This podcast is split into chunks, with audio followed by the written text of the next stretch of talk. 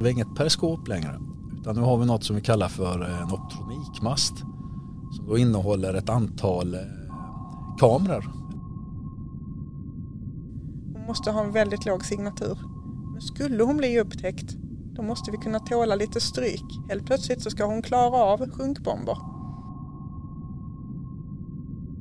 Så är ju A26 faktiskt den första ubåten som är designad från början med det här luftoberoende maskineriet.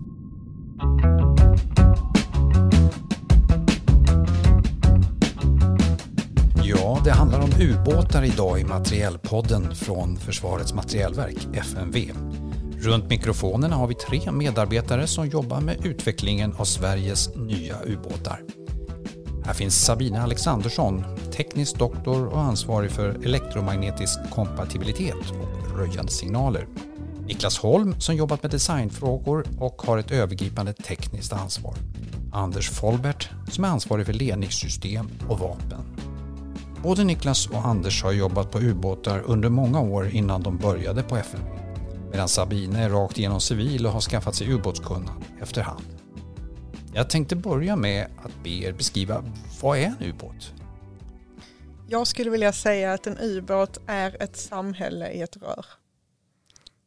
Um, och det blir så tydligt ibland. Um, jag brukar ta det som ett exempel. Vi satt vid fikabordet och först så pratade vi om eh, hur någonting skulle stötupphängas, det vill säga skyddas eh, och klara sjunkbomb. Och sen så gled eh, diskussionen över i hur ska vi hantera använda mensskydd i aktorskeppet. Det är verkligen högt som lågt som måste hanteras för att ubåten ska kunna fungera. Ja, och du har ju en hel, alltså, du har ju hotellfunktion, du har restaurangfunktion, du har en arbetsplats eh, med den miljön det som krävs där. Du har inget, inget solljus. Du måste tänka otroligt mycket på, på eh, vilket ljus du har, arbetsljus. Hela med el, eldistribution, elkraftsgenerering. Du måste ta hand om sopor. Ja. Dricksvatten ska det fixas. Och frisk luft är också en sån. Det är svårt att ha ny luft utifrån. Det får vi ibland när vi snorklar. Men annars måste vi rena den luft vi har och vårda den. Så det är mycket utrustning för att mäta luftkvalitet och och rena luften. Man kan väl säga att det är ganska mycket som ska samverka här nere. Det gör jag det. det är, man börjar, jag börjar förstå lite att det inte är helt lätt att få ihop det här. Men, eh, fantastiskt, fantastiskt komplex eh, skapelse. Så är det, och det märks ju. Verkligen. Försöker få ihop det. Vad är, det som, vad är de bra på egentligen? Och varför är det så mycket hemligheter runt ubåtar egentligen? Det, det, det är så fort man nämner någonting med ubåtar så är det väldigt mycket sekretess och grejer och så. Eh, vad beror det här på? Till att börja med så är ju ubåtsvapnet ett underrättelseförband. Så där kommer sekretessen direkt. Eh, och hennes uppgift är att hålla sig dold. Hon ska inte synas. Att verka utan att synas. Det ligger ju i sakens natur lite grann i, den uppgiften den eh, har att vara hemlig. Inte synas. Det är ju liksom lite själva poängen. Många av uppgifterna kan hon ju göra dolt. Ska det förbli så så måste ju mycket av ubåtens prestanda och teknik och var hon är och allting. Det är ju mycket sekretess förknippat med det såklart. Annars så tappar vi ju hela konceptet. Och det är ju en, en av ubåtens eh, viktiga delar, det är ju den här tröskeleffekten. Att, att veta att den finns där men inte riktigt veta var och vad den kan. gör ju att det skapar en tröskel för någon annan då. Det mesta kommer ju till Sverige via sjöfarten och att eh, då behöver man ju ha inte bara övervattensdomänen utan även undervattensdomänen och ha kontroll på den och eh, att då kunna övervaka dolt är ju en egenskap som är väldigt viktig. Inte många får chansen att åka med en ubåt. Men det jag har hört är att man inte känner någon skillnad på att ligga vid kaj eller att vara på 100 meters djup. Inga tryckförändringar, inga knakningar i skrovet. Har ni något speciellt minne från ubåtsvärlden? Eh, det är svårt att plocka ut ett minne utan många gånger är det ju en helhet liksom med kamratskap och eh, allt, allt, allt det som tillhör där med, med goda vänner och så men ett bra minne jag hade det var när jag var chef på något som kallas för IUB, en internationell ubåt vi hade där vi tog in en kontrakterad besättning så man fick träffa lite gamla kompisar och så. Och vi hade tre veckors övning utanför Norge som var fantastiskt roligt. Och ni andra, har ni någonting ni tänker på? Ja, ja det är så här som Anders, att det, det är många minnen och, eh, av olika karaktär. Men just, just i ubåtsåkandet så tror jag det var nog, det var nog faktiskt det första, första ubåtsköret som jag var med på. Det var tre veckor på, det var också på västra sidan av Sverige med i januari ganska busigt väder och en, en, också en hoplånad besättning. Eh, men det var väldigt kul. Det var ganska abrupt in i ubåtsvärlden och eh, det blev min start på detta. Det, det är några år sedan nu, men det var jättekul. Jag är ju civil, landkrabba och fruktansvärt sjösjuk.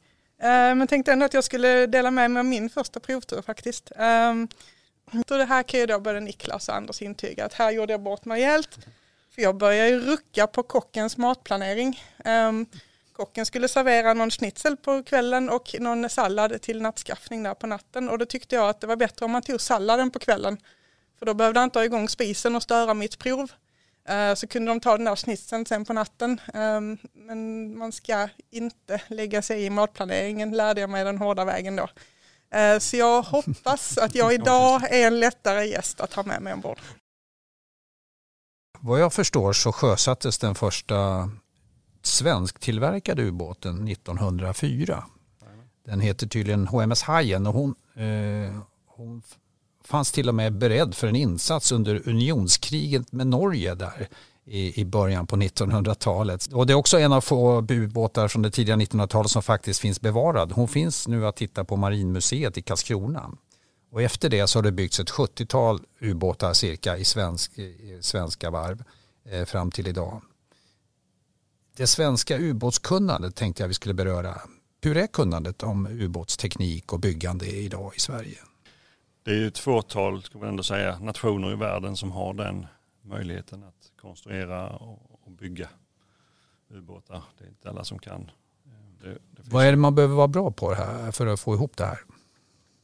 Många saker. Många saker. Ja. Nej men så är det. det vi måste ju ha en, en, jag tror på viktigt att ha en, en medveten kund och en eh, duktig beställare. Eh, och sen också då givetvis ha ett varv som kan eh, konstruera och leverera. Men också ha den här kontinuiteten som vi har haft under lång tid. Att vi har haft en utveckling och vi har tagit tekniska tekniksprång. Vi har vågat göra det i flertal tillfällen historiskt sett så har vi några, flera milstolpar där vi liksom har tagit stora kliv. Både andra världskriget och sjuormen var ju en sån här stor, stor tekniksprång på 60-talet. Och sen eh, A26 kommer nu också bli ganska stort kliv jämfört mellan två mm. ubåtsserier. Kan man säga att, att eh, byggandet av eh, eh ubåtar är eh, är så att säga som en evolutionär process, det vill säga att, det, att man bygger vidare på det man har tidigare. Ja men så, så är det ju i många stycken och det har vi gjort i, i Sverige här med, även om det är ett långt språng nu så är det mycket som är kvar med två tryckfasta sektioner, sluss i mitten. Det vissa, eh, vissa saker är ju, är ju något som vi, vi har med oss sen, sen tidigare byggen. Eh, men sen så har vi ju tagit ett större språng med A26 som vi kanske har gjort innan på grund av tiden emellan. Är det, är det någon teknik ni skulle vilja säga som har inneburit ett, ett kliv framåt om ni tittar tillbaka lite grann? Det finns ju flera. Ja. Den här, jag tror, vi, vi sneglade på en tysk ubåt som vi plockade upp utanför Göteborg efter andra världskriget. Som gav oss väldigt mycket tekniskt, tekniksprång med snorkel och ett eh, mer strömlinjeformat skrov och så vidare. Men sen eh, också 60-talet här eh, när vi var i USA och tittade på Albacore. Sjöormen var första ubåten i världen med kryssroder eh, till exempel. Och det var en riktig, riktig ubåt om man får säga så som var byggd för att gå ut och dyka direkt och gå under vatten alltid i stort sett tills man var hemma igen och då gick man upp och gick in och förtöjde. Ett intressant språng var ju när vi införde Sterling. December 88 första vad jag menar det var en stor, väldigt stor händelse. Det var den första provturen med en, en ubåt med Stirlingmotor? Ja, Ja, som vi, då är... vi utvecklade Stirling-tekniken vid sidan om i ett utvecklingsprojekt med Kockums eh, hade en del av en, eh, såg ut som en ubåt som man utvecklade ett motor och teknik och sen så när, som Anders sa, den här sektionen var färdig, då tog vi in en, en eh, fungerande ubåt från linjen, kapade och satte in den här sektionen och svetsade ihop och så ut och åka igen då. Det låter Det som ganska- en ganska svår operation. Ja, det var ju Ganska modigt. Ja, Eh, modigt skulle jag vilja säga också och, och ta det steget och göra det här. Och Mm. sen gjorde man ju det med flera ubåtar efter. Mm. Eh, Och även gjort nu på senaste uppdateringen av, av eh, Gotlandklassen. Eh, Mm. Sverige har generellt genom tiderna varit väldigt duktiga på att ligga i framkant och våga. Mm. Näckenklassen är ju en sån också där man gick över till att digitalisera. Eh, Man skulle ha ett helt obemannat akterskepp och då pratar vi 70-tal. Eh, och Det var ju väldigt i framkant. Sen gick vi- gick vi tillbaka och bemannade akterskeppet igen. Vi kanske var lite för modiga där men just eh, den tanken var ju ganska djärv skulle jag vilja säga.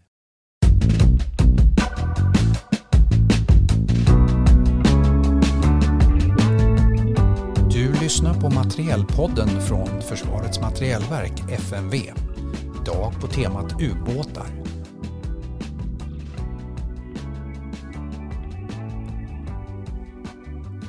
Redan i början av 1800-talet uppfann skotten Robert Stirling en teknik som sedan har vidareutvecklats och förfinats i Sverige och som nu finns i alla svenska ubåtar och som gör det möjligt för ubåtarna att vara under ytan under lång tid. Sverige är först med att använda tekniken på ubåt. Det finns ju också i Japan men det är ju svensk teknik då som är överförd dit.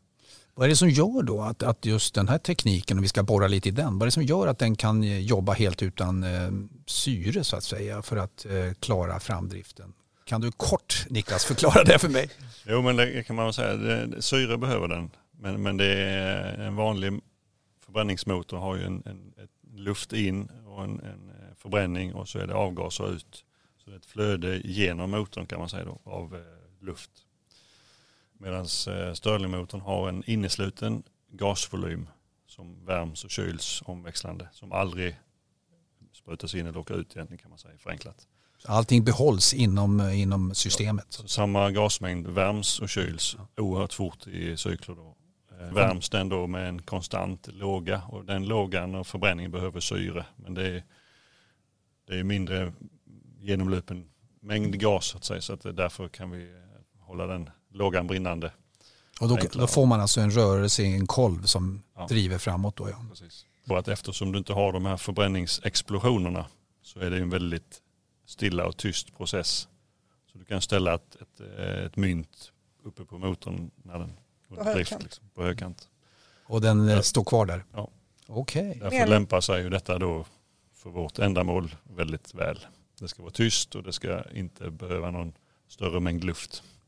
Precis, och då kan man vara eh, under, eh, under vatten i, i veckor kan man väl säga i alla fall. Jajamän. Ja. Men det är ju så här att Stirlingmotorn är inte kopplad direkt till propellern. Utan Stirlingmotorn är i sin tur kopplad till en generator som laddar våra två stora batterier ombord. Och sen så väljer man om man vill ta ut från batteriet och lägga det på framdrift. Eller om det är någon annan last. Till exempel vapensystemen eller vad det nu är som behöver drivas av el. Så att det är inte, Stirling är inte direkt kopplad till propellern. Stirling hade inte gått att reglera så ehm, snabbt som en propeller, en ubåtspropeller behöver eh, regleras. Därför måste man lagra energin så att säga och sen använda den därifrån. Precis, det är ju värt att nämna att vi har ju batterier och, och eh, diesel kvar. Ja. Men, men eh, utökat Stirling eller ja, den AIP-kapaciteten då som Stirling är. Så man kan säga att det försöket som gjordes på 80-talet då med provet med Näcken när Mm. Anders var ute och åkte. Det föll så pass väl ut så att ganska snabbt togs beslutet. Dels gick hon åter till linjeverksamhet men sen också beslutat att införa detta på Gotland som var på ritbordet då. Precis, och nu kan man väl säga är, är det, det konceptet permanentat? Det har ju blivit det nu då eftersom Ja. alla ubåtar idag i drift har det här. Jajamän. Men, men då ska man också, med i och med det att det lades till på Gotland så är ju A26 faktiskt den första ubåten som är designad från början med det här luftoberoende maskineriet.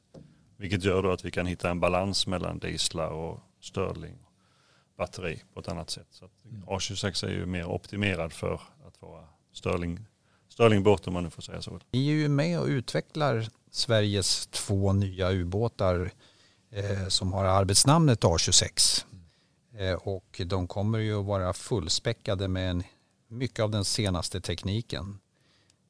Hur vill ni beteckna det? Är det här ett totalt nytänkande jämfört med tidigare ubåtar eller de som är i tjänst idag? Då? Eller är det, är det en vidareutveckling? Eller hur, hur ser ni på det här? Ja, det är ju, eh, det är både och kan man ju säga. För en ubåt det är fortfarande ett rör. Två trycksfasta sektioner de här bitarna. Du har vapen fram, propeller bak. Liksom vissa saker är, är givna. Eh, men det är klart att en vidareutveckling är det ju i många avseenden. Det gäller teknik, eh, nätverk, eh, sensorer. Vi har till exempel inga penetrerande master längre så vi kan placera manöverrummet då, eller kontrollrum som vi säger på A26 vad vi vill och då har de då flyttat fram det för att få ett bättre flöde med, med, med folk och arbetsplatser och sånt. Eh, så det är, det är väl lite både och skulle jag vilja säga men i grunden eh, en vidareutveckling från Gotland i, koncepttänket från början men sen ett, ett, steg, ett steg till. Då. Och sensorsidan är ju en, eh, ett stort framsteg. Vi, har inte, vi skulle inte ha råd att köpa allting special special och anpassat för ubåt. Utan ibland så måste vi köpa saker inte direkt över disk, men nästan. Och anpassa dem för att de ska fungera i miljön ombord.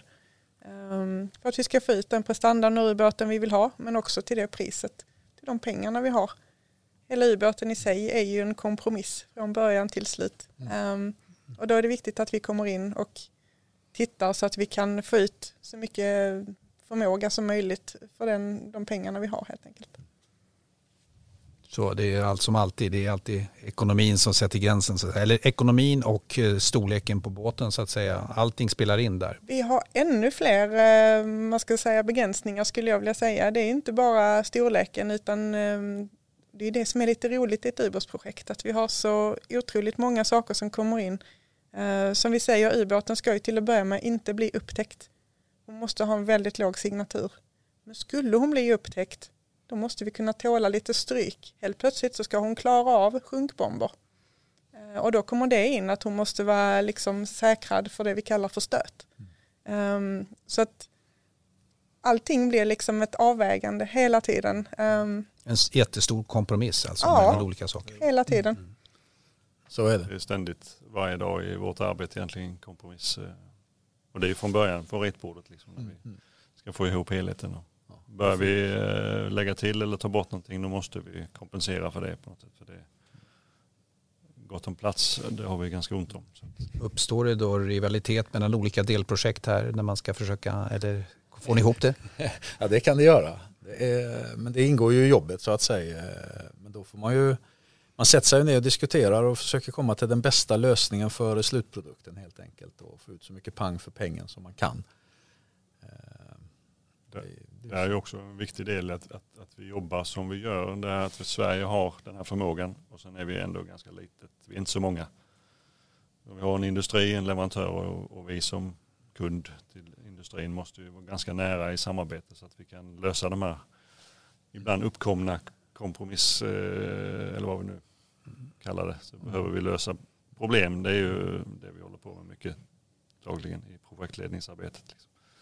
Men också i dialog med Försvarsmakten ibland. När vi måste liksom anpassa oss mot, för vi har ju också en kund. Ja, de ställer ju, det är de som ställer en, en, ett krav på en förmåga och en beställning till oss som vi då omsätter i, i teknikkrav som vi sen ger till Kockum som ska då bygga det här. Mm. Och det är ju väldigt viktigt att, att, alla de här är, man kan säga vi behöver ha en kunnig eh, underleverantör som vi anser att Saab Kockums är men vi på FMV måste också vara väldigt kunniga som beställare. Och även Försvarsmakten som ska då beskriva den förmågan de vill ha om många år och som ska verka under många år måste också vara väldigt kunniga. Mm. Eh, och sen gäller det då som Niklas sa att vi som litet land att vi utnyttjar alla de eh, människor och den kunskap vi har på bästa sätt. Eh, vilket vi gör, vi jobbar ju väldigt nära Kockums och även väldigt nära Försvarsmakten i ständig dialog. Och det är ju liksom vägen till framgång för en, en, en liten nation. Precis, det brukar vi framhålla i, i Sverige att det, vi lyckas ju åstadkomma en hel del stora, stora tekniksystem vi levererar. Så det är någonstans har vi väl hittat i Sverige ett sätt att, att få ihop det här genom att utnyttja våra, våra, våra olika delar och jobba tillsammans. Sen skulle jag vilja säga när det gäller inom ubåt just att det är mycket kompromisser och så.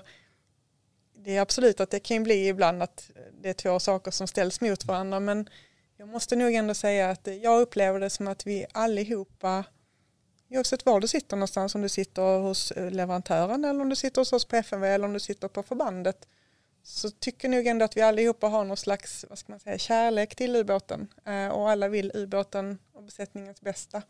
Och att det på något sätt ändå blir den röda tråden som genomsyrar allt. Det är inte att jag ska vara bäst eller mitt system ska ha de bästa förutsättningar. Jag bryr mig inte om resten utan man har hela tiden helhetstänket, den holistiska synen på att allt måste fungera tillsammans. Mm.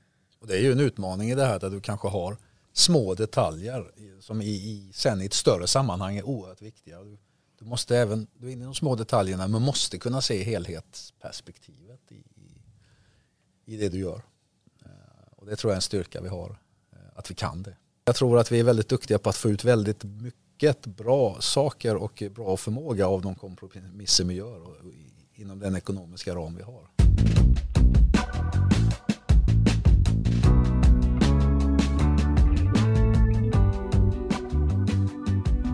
Det här är Materielpodden från Försvarets materielverk, FMV. Idag på temat ubåtar. Nu ska ni få välja en förmåga här eh, som ni tycker är, är bra på nya A26. Eh, jag tänkte att ni skulle få lyfta fram någonting som ni tycker är en bra förmåga som den kommer att ha den här. Eh, Sabina, har du något förslag? Ja, det jag skulle vilja ta fram är att A26 är den första svenska ubåt där vi har tittat på mitt område då, det här elektromagnetisk kompatibilitet redan från början. Och det innebär att saker och ting ska fungera tillsammans. Det vill säga att saker får inte störa eller störas av varandra. Och det har vi tittat på redan från början och det, när man tittar på det redan från början så behöver det inte bli så dyrt. Eh, utan att man försöker placera saker eller installera dem på sätt så att det fungerar ihop.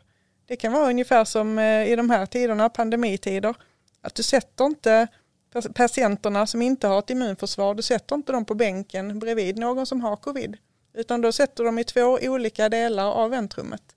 Eh, så det måste inte vara dyrare, det är bara att man ska tänka smart från början. Och det tycker jag att vi har gjort eh, tillsammans här nu från början då i detta projektet. Mm. Niklas, har du någon, någonting du vill lyfta fram? Ja, eh, jag skulle nog ändå vilja säga att eh, vi har en flexibel eh, sluss i förskeppet. Den är ju eh, unik. jag säga. Eh, vad är det man kan slussa in och ut där då så att säga? Dels är det ju dykare men också farkoster. Så att, och det är det som skapar flexibiliteten. Vi levererar ju ubåten och sen har ju Försvarsmakten då möjlighet att utveckla den förmågan Spännande. Mm. Eh, Anders, vad, har, har, du någonting du har tittat på? Ja, då kommer det. jag är ju, eh, har ju hand om ledningssystem, sensorer och jag måste säga att eh, den eh, sensorförmåga och underrättelseinhämtningsförmåga vi har på den här, eh, den här farkosten är eh, otroligt bra.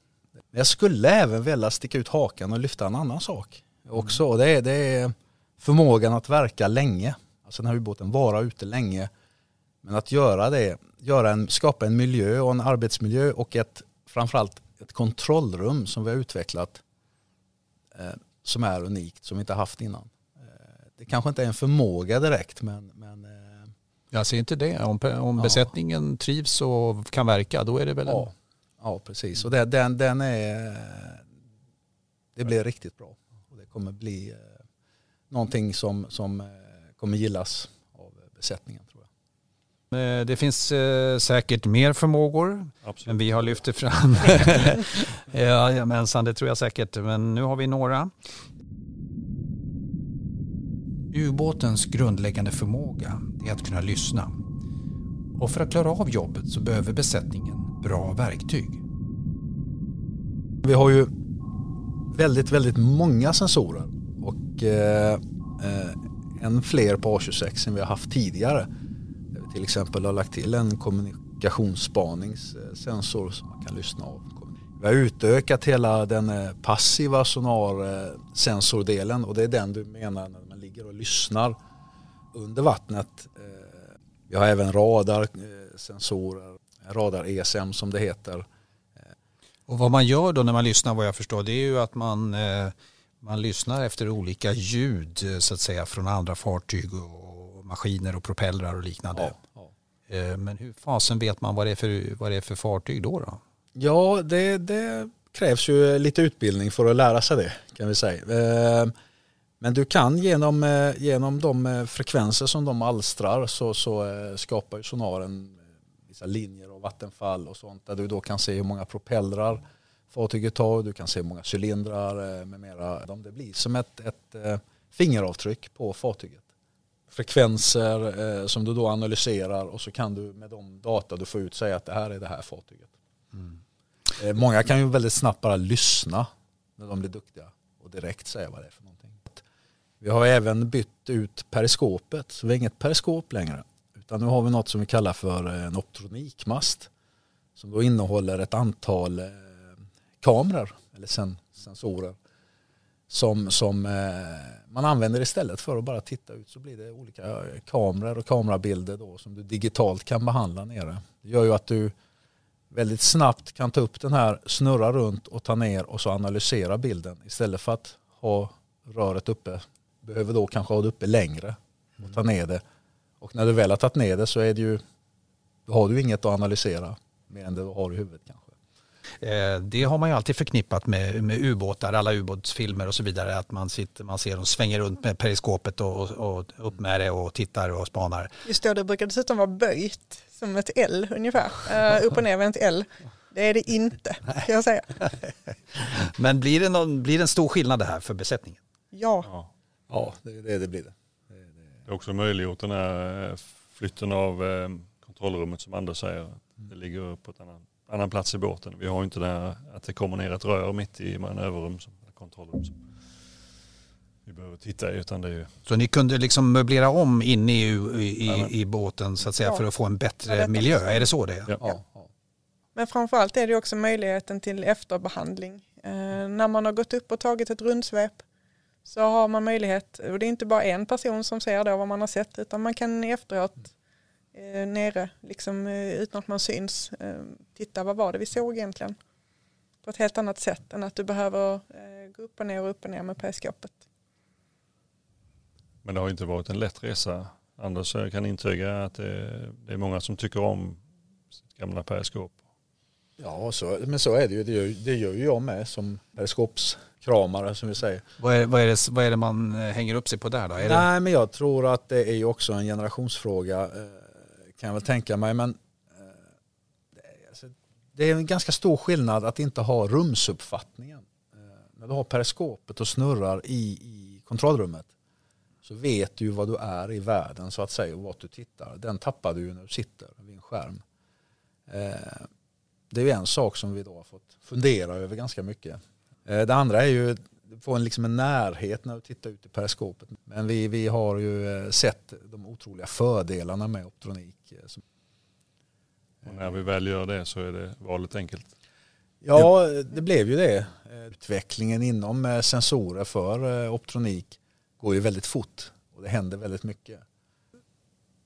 I och med att sensorerna tydligen blivit så jättebra, då kan man ju höra väldigt bra, men då kan man ju uppfatta störningar också vad jag förstår. Ja, precis. En känslig sensor är ju också mer känslig för störningar från båten då. Att båten på något sätt negativt kan påverka den. Eh, och det är en av mina uppgifter då att se till att vi verkligen får ut den här prestandan ur alla våra sensorer som de är tänkta att ha. Eh, och se till att riktigt trimma in båten då eh, så att hon blir så vass och giftig som möjligt helt enkelt. Ehm, och verkligen kan lyssna eh, eller köra med någon form av sensor det finns ju som ni har nämnt här ett par stycken. Mm. En hel uppsjö av sensorer ombord. Um, som jag behöver se till att de fungerar allihopa så bra de bara kan. Och då ska man ska försöka alltså ta bort ljud från, eh, från den egna eh, fartyget då, det är det det handlar om? Ljud är ju absolut en sak, eh, men det är inte för sensorernas skull bara utan det är även för fartygets eller ubåtens signatur. Eh, att någon annan skulle kunna uppfatta henne om hon bullrar på något sätt eh, därför är det ju, vi har ju bullerdisciplin ombord, du smäller inte i dörrar och så vidare utan du, du stänger saker och ting försiktigt även i det vardagliga när vi går nära svenska kusten. Ehm, men sen har vi liksom också Alltså det kan ju komma inte bara ljud i sensorerna utan det kan även komma då elektromagnetiska störningar. Det vill säga att det kommer någon ström eller spänning på ett oönskat ställe som då ställer till det och skulle kunna ge någon form av att vi tror att det är en ubåt i närheten eller någonting annat, att man missuppfattar eh, det som sensorn då presenterar. Och det här handlar mycket om, som du var inne på tidigare, det här med hur man placerar utrustning. Det är hur du placerar, hur du bygger in, vad du har liksom valt för utrustningar och hur de då kan fungera tillsammans. Det är väldigt viktigt. Vi är lite grann inne i kärnan för en ubåts uppgifter här. Det här med att lyssna och att inte bli upptäckt så att säga av de ljud man ger ifrån sig så att säga. Så att det här jobbar ni en hel del med vad jag förstår. Ja, signaturområdet har, ju, har vi ju tagit språng med i A26. Eh, för det är ju så att alltså, den som det hörs, den hittar du inte. Jag skulle vilja tillägga eller syns på annat sätt. Men vi fick ju ett bra betyg vad jag förstår för några år sedan när, när eh, en Gotlandsubåt var över i USA och agerade eh, så att säga eh, mål för, för de amerikanska ubåtarna. Ja. Hittar de eh, Gotlandsubåtarna? Nej, de har ju väldiga problem med det. Det kan ja. man väl säga var ett litet ett betyg då, ett bra betyg. Ja det är klart det är, det är, det är egentligen för oss som jobbat med en, en okej på det vi gör. Men det är ju inte bara ubåten i sig utan det är ju allt, det är ju liksom eh, besättningen också. Ja. Ett betyg till besättningen hur, hur vi utbildar eh, ubåtsbesättningar. Även ett betyg till, till varvet för hur de underhåller. Det, det, den, man är ju inte starkare än den svagaste länken. Alla de här tre sakerna måste ju, måste ju vara topp. Det ingår ju på något sätt i uppgiften också att liksom ta, ta fram ett underhållskoncept Precis. så att man kan hålla båten. Men mm. och det är ju, där har vi ju en kravställning på tillgänglighet. Att båten ska vara så pass, så pass byggd och kan underhållas så att den har en viss tillgänglighet för Försvarsmakten. Så det har de ju varit tydliga med. Ja. Och då är det upp till oss att hitta en balans tillsammans med industrin. Att gör vi så här och målar den på det här sättet. Och så här många pumpar eller vad det nu är som behövs för att kunna ge den eh, tillgängligheten. Och som Niklas säger, den här underhållsmässigheten. Eh, man får tänka på hur man designar. Eh, det ska gå att komma åt. Eh, den här saken kanske behöver, nu behöver bytas ute till sjöss. Då ser vi till då, ehm, då beställer vi på FMV att den reservdelen ska finnas ombord. Det ska finnas en stuvningsplats för den. Och det ska också vara möjligt att plocka ut den här utan att behöva demontera halva ubåten eller behöva dela ubåten i två delar för att plocka ut någonting utan det här ska man kunna göra um, och ändå klara sig. Så det är många sådana saker som också kommer in i, i designen och där vi då också är med och, och ser till att det går att liksom um, hålla liv i den här så att säga uh, och att man inte alltid måste in utan att man kan lösa saker och ting ute till sjöss.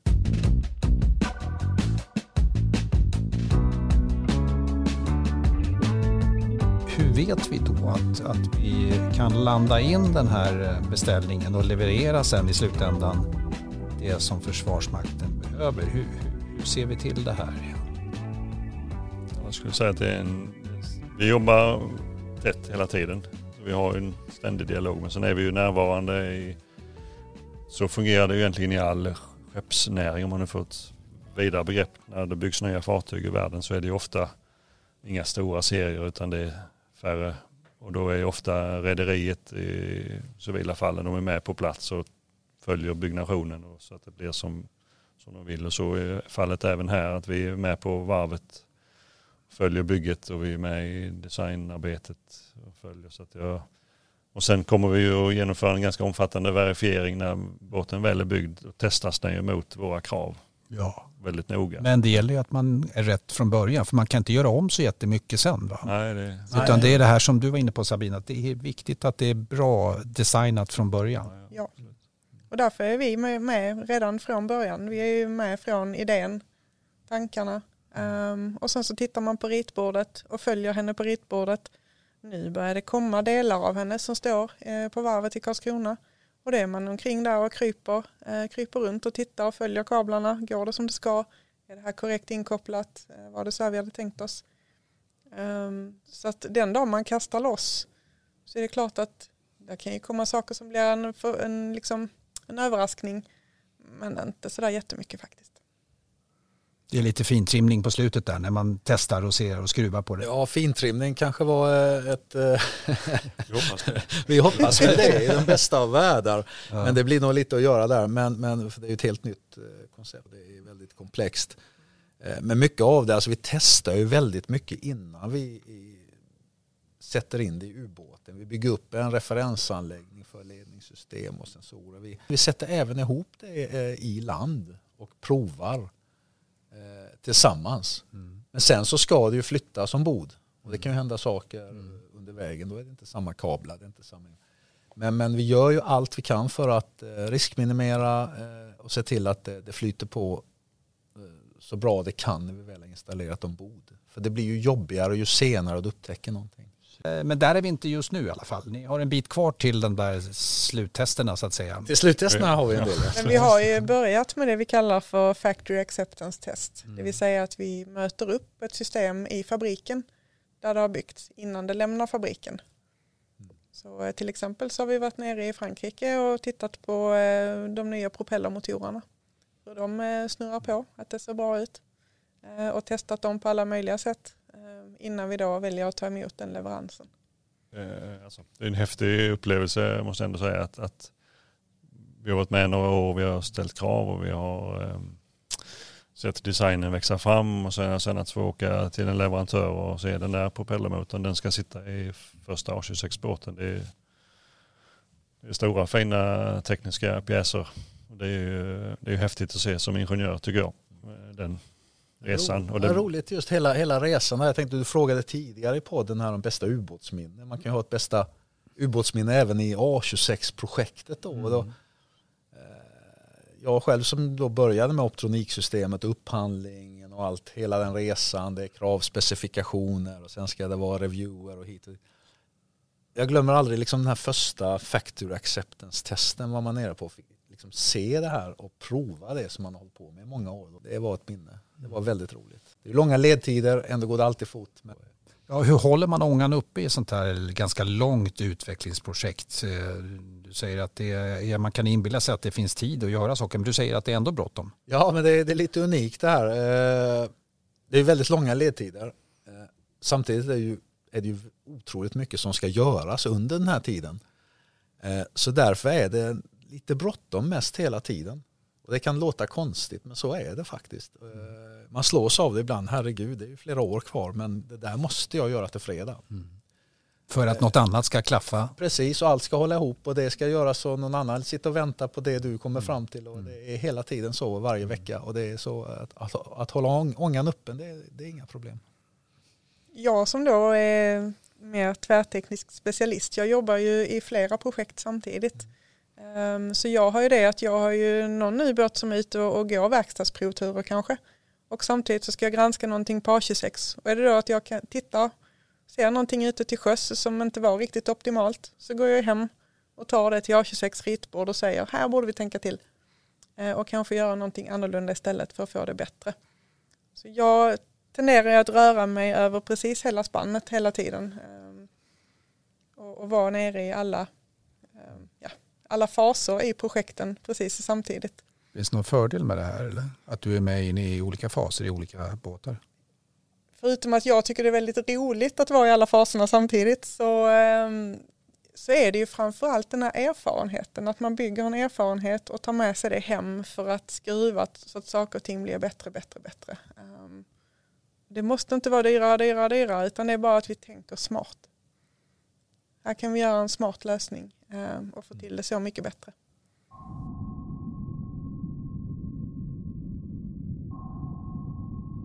Om vi skulle runda av här lite grann med att eh, om ni går till er själva, vad tycker ni är det roligaste i, i det här jobbet som ni har idag? Just nu tycker jag det är absolut det roligaste det är att gå omkring i produktionen. Titta på när båten växer fram i verkligheten. Det är fantastiskt kul att se. Det blir en väldigt fin båt och det är, det är väldigt duktig personal som jobbar med det de gör i Karlskrona tycker jag. Det är kul att se. Det är sån här energi. eh. Sen kan man gå och tampas om några kravställningar eller något annat. eh. Men just att gå, ut i produktionen och se verkligheten, det, är häftigt. Det senaste skulle jag vilja framhålla egentligen det är något i de här eh, utökade förmågorna. Jobbade jag och Niklas mycket med eh, ganska länge och få till hela det liksom kravpaketet, hela, hela den beställningen alltså. Det, det, var, det var väldigt roligt och eh, framförallt när vi blev klara och fick allt i mål. Vi var överens med, med Kockums eh, som också gjorde ett jättebra jobb där. Och sen fick igenom det att få lov att arbeta med besättningarna vi har är nog ändå det som betyder allra mest för mig. Att se, de är så otroligt duktiga. Ehm, att se dem när de jobbar eh, och få delta i det som observatör då, för jag, jag är helt oduglig ombord. Men eh, det är en förmån. Ehm, både stämningen ombord eh, som är fantastisk men också hur otroligt duktiga de är. Det tycker jag är väldigt, det det ger mig energi att gå hem och känna att nu ska jag bygga världens bästa ubåt till dem.